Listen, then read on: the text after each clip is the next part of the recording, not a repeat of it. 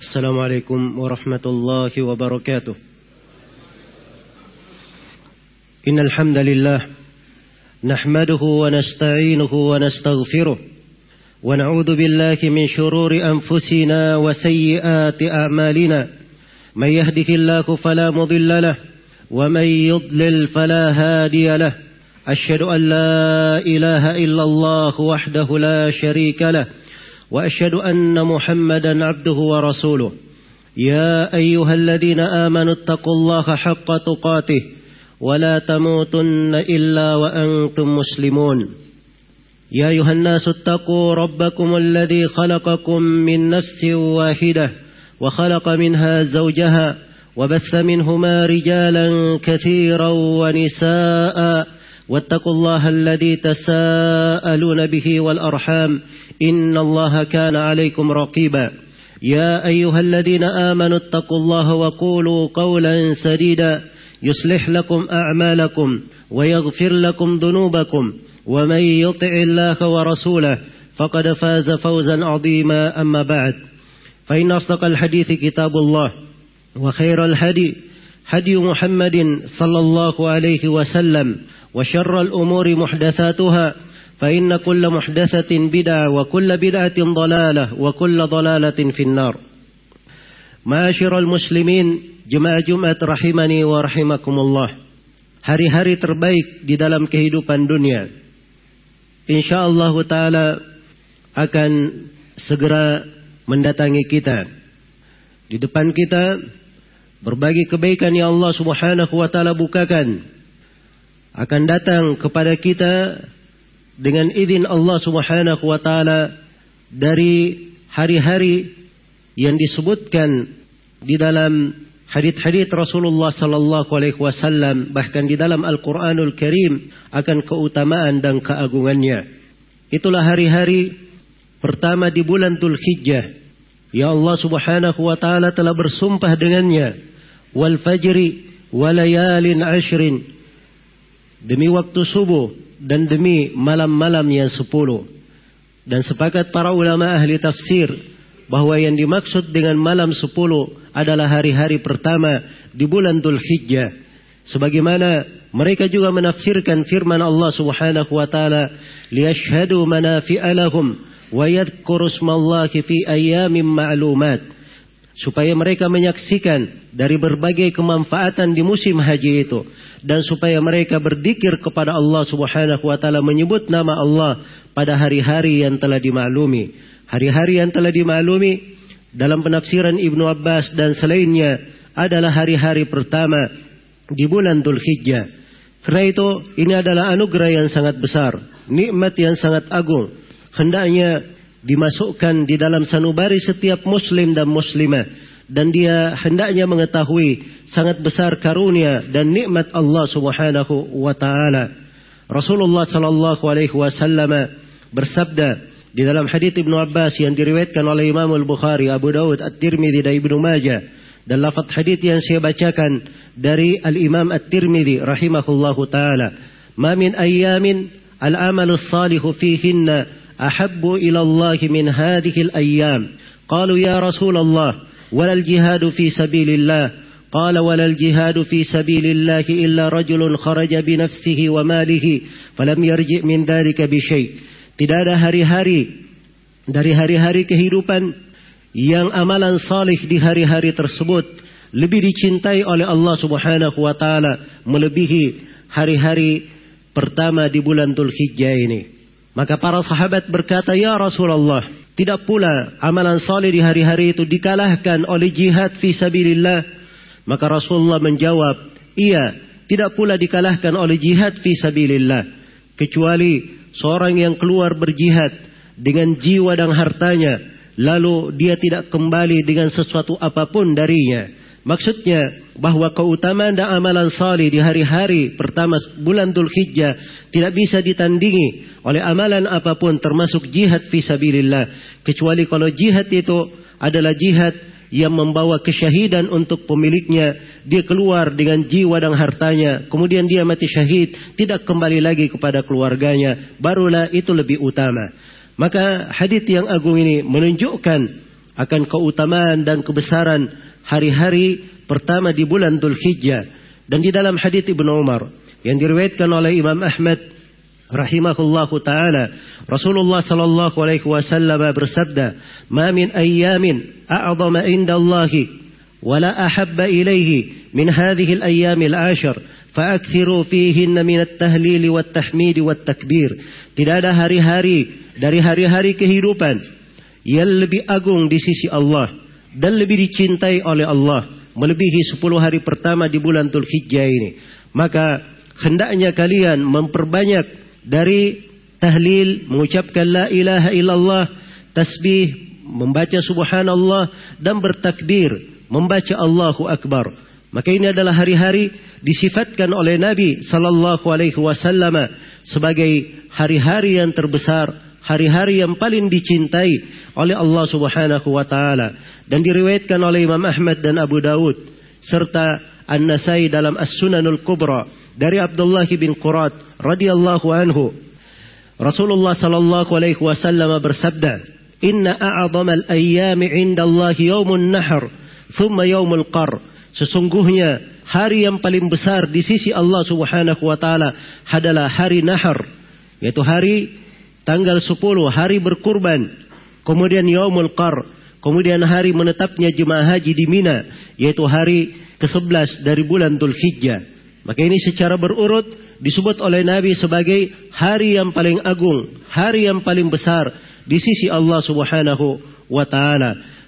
Demikian pula pada ayamut tasyrik, hari-hari tasyrik tanggal 11, 12 dan 13 Dhul Hijjah, Rasulullah sallallahu alaihi wasallam telah mengatakan bahwa dia adalah ayamu aklin wa syurbin wa dzikrin lillahi taala. Dia adalah hari-hari makan, minum dan berzikir kepada Allah Subhanahu wa taala.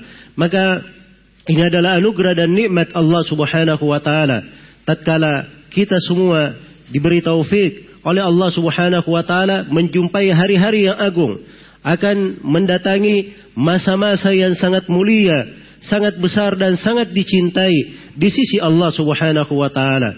Karena itulah hendaknya kita menghargai hari-hari ini, mempersiapkan diri untuknya, mensyukuri nikmat Allah dan menyambut hari-hari tersebut dengan keadaan yang paling indahnya, dengan semangat yang paling besarnya, dengan memanfaatkan peluang dan kesempatan yang paling indahnya.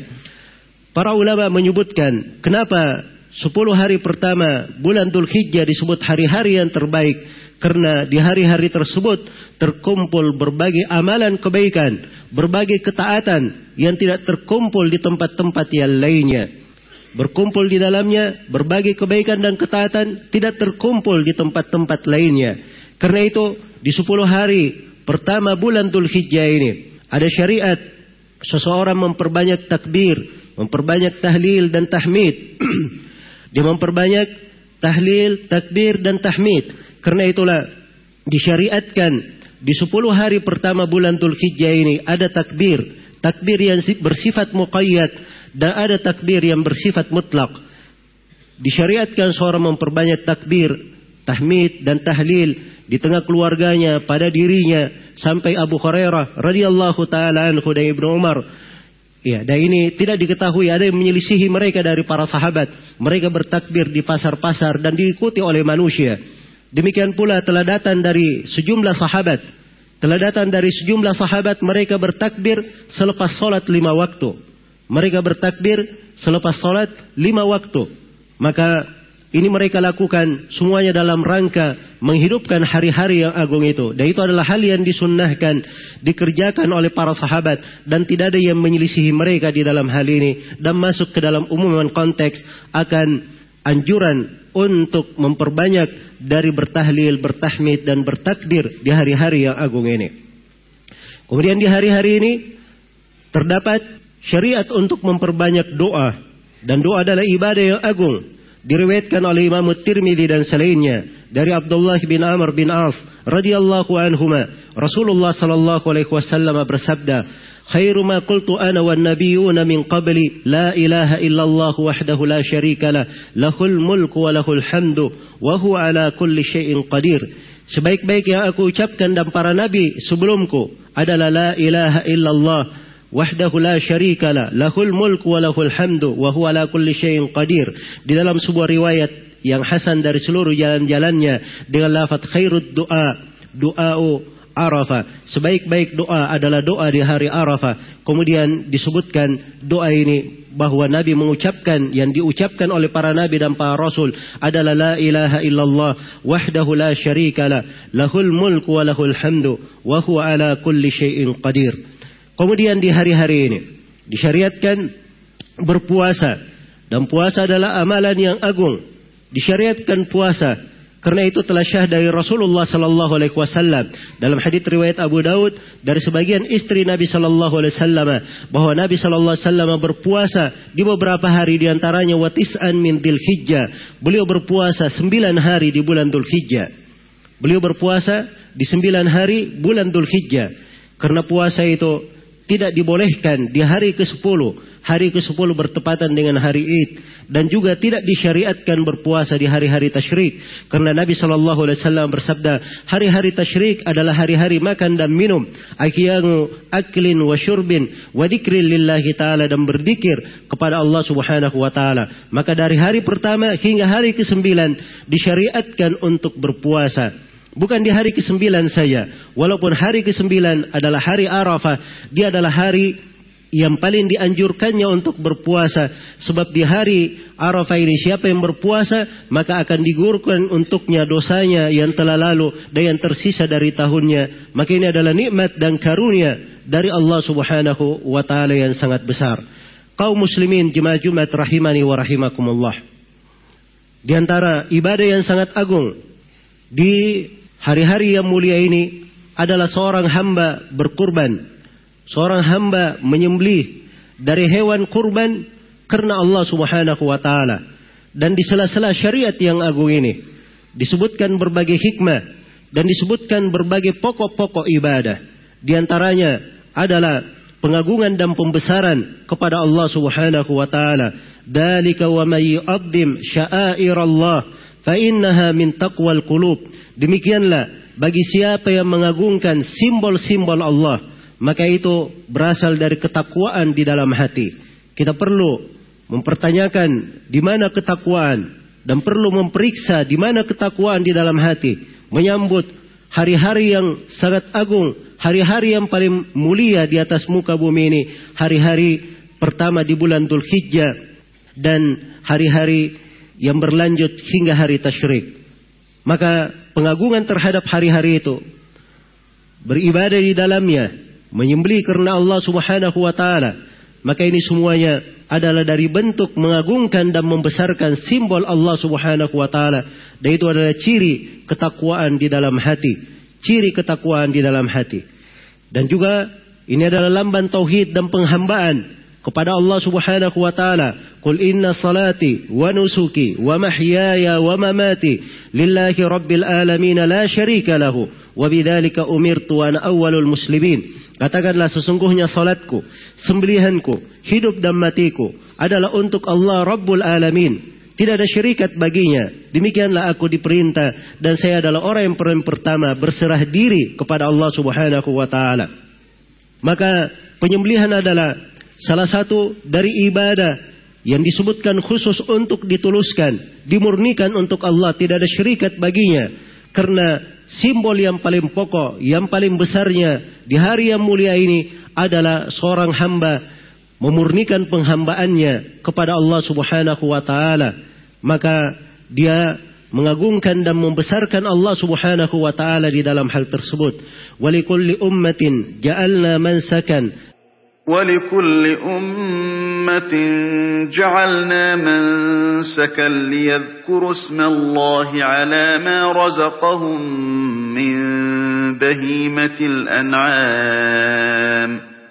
فإلهكم إله واحد فله أسلموا وبشر المخبتين. Setelah disebutkan bahwa setiap umat dijadikan untuk mereka manasik, mansak yang mereka beribadah dengannya menyebut nama Allah pada hari-hari yang telah dimaklumi dan mereka mensyukuri dari rezeki dan nikmat Allah maka dikatakan bahwa ilah kalian yang kalian ibadahi adalah sembahan yang maha satu. Maka kepadanya lah kalian berislam.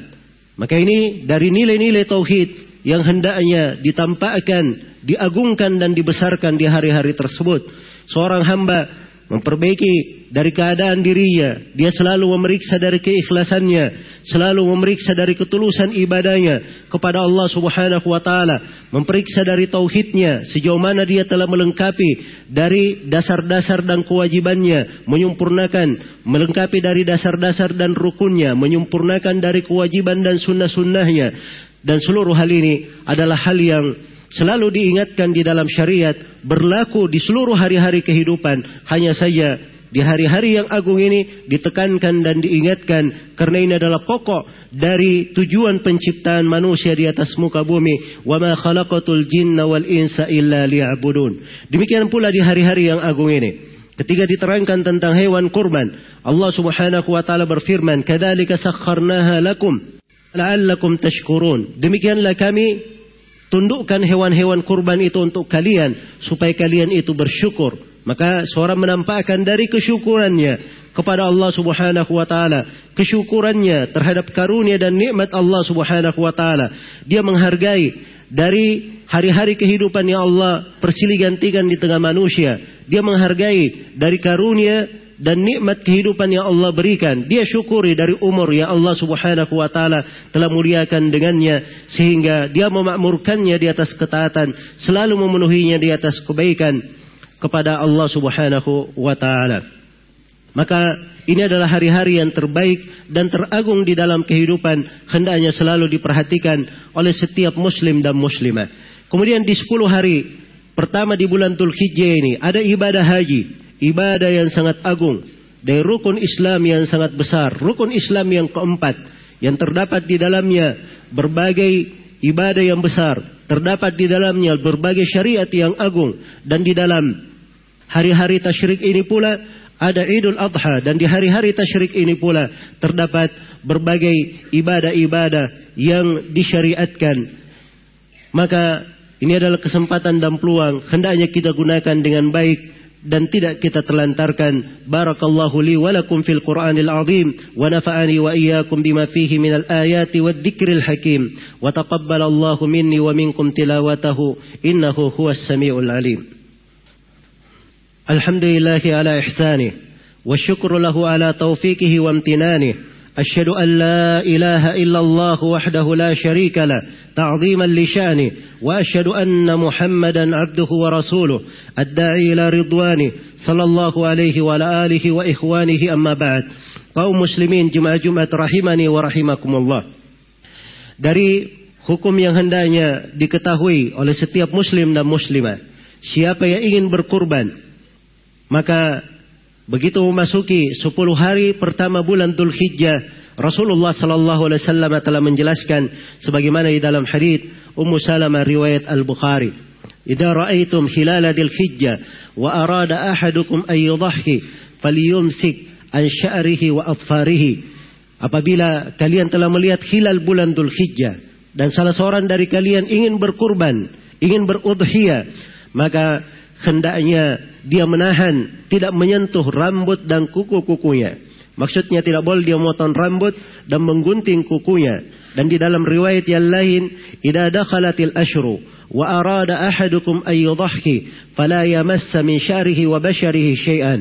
Apabila telah masuk 10 hari pertama dari bulan Dzulhijjah dan salah seorang dari kalian ingin berkurban, maka tidak boleh dia menyentuh sesuatu apa pun dari kulit dan rambutnya. Maka siapa yang ingin berkurban, dia yang ingin berkurban.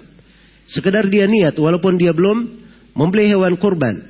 Begitu masuk di bulan Dhul Hijjah hendaknya dia menahan, tidak menggunting kuku, memotong rambut. Kalau ada kulit melepuh tidak dia lepas, tidak dia cabut. Iya. Dan ini berlaku bagi orang yang berkurban. Adapun bagi istri dan anak-anak yang ikut bersama suami, hukum ini tidak mencakup mereka.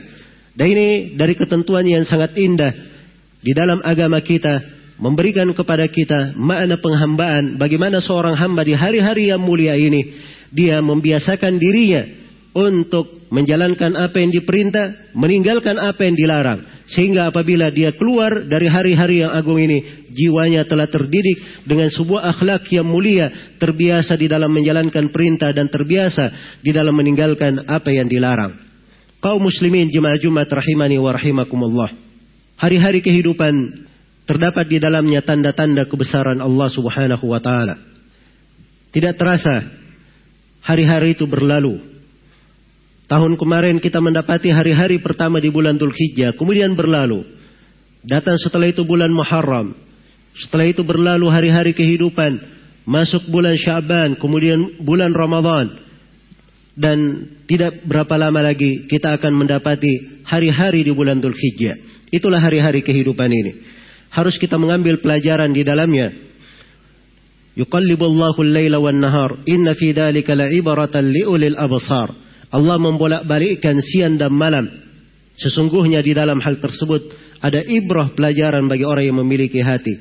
Wa huwa alladhi ja'ala al-laila wan nahara khilfatan liman arada an yadhakkara aw arada syukura. Dialah Allah yang menjadikan siang dan malam bersilih ganti bagi siapa yang hendak mengingat dan bagi siapa yang hendak bersyukur.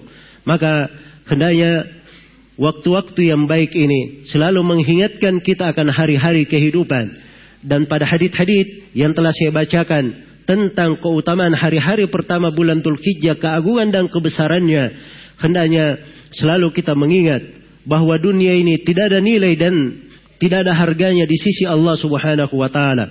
Yang berharga adalah amalan salih, yang berharga adalah ketaatan, dan yang berharga adalah seorang hamba memanfaatkan dari umur dan kehidupannya menjadi catatan dan amalan kebaikannya untuk dia bawa menghadap kepada Allah Subhanahu wa taala.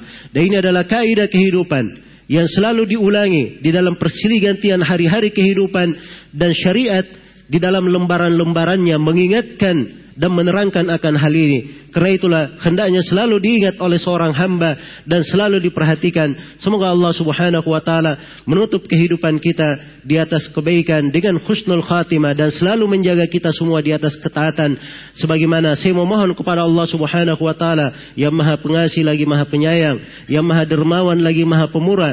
Semoga kita semua selalu dia jaga di atas keislaman dan sunnah Rasulullah sallallahu alaihi wasallam di kehidupan dunia, di sakaratul maut, di alam kubur dan tatkala kita semua menghadap kepada Allah Subhanahu wa taala innahu waliyyu dzalika wal qadiru alaihi thumma i'lamu rahimakumullah inna Allah amarakum bi amrin bada bihi bi nafsihi wa thanna bi malaikatihi bi qutsihi فقال جل من قائل إن الله وملائكته يصلون على النبي يا أيها الذين آمنوا صلوا عليه وسلموا تسليما اللهم صل وسلم على نبيك ورسولك محمد وارض اللهم عن خلفائه الراشدين أبي وعمر وعثمان وآلي وعن الصحابة أجمعين وأن معكم بفضلك وجودك وإحسانك يا أرحم الراحمين. اللهم اغفر للمسلمين والمسلمات والمؤمنين والمؤمنات الأحياء منهم والأموات. إنك سميع قريب مجيب الدعوات ويا قاضي الحاجات.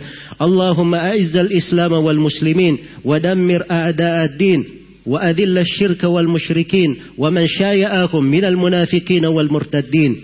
اللهم أرنا الحق حقا وارزقنا اتباعه وأرنا الباطل باطلا وارزقنا اجتنابه. ربنا ظلمنا أنفسنا وإن لم تغفر لنا وترحمنا لنكونن من الخاسرين. ربنا اغفر لنا ولإخواننا الذين سبقونا بالإيمان ولا تجعل في قلوبنا غلا للذين آمنوا. ربنا إنك رؤوف رحيم. ربنا آتنا في الدنيا حسنة وفي الآخرة حسنة وقنا عذاب النار.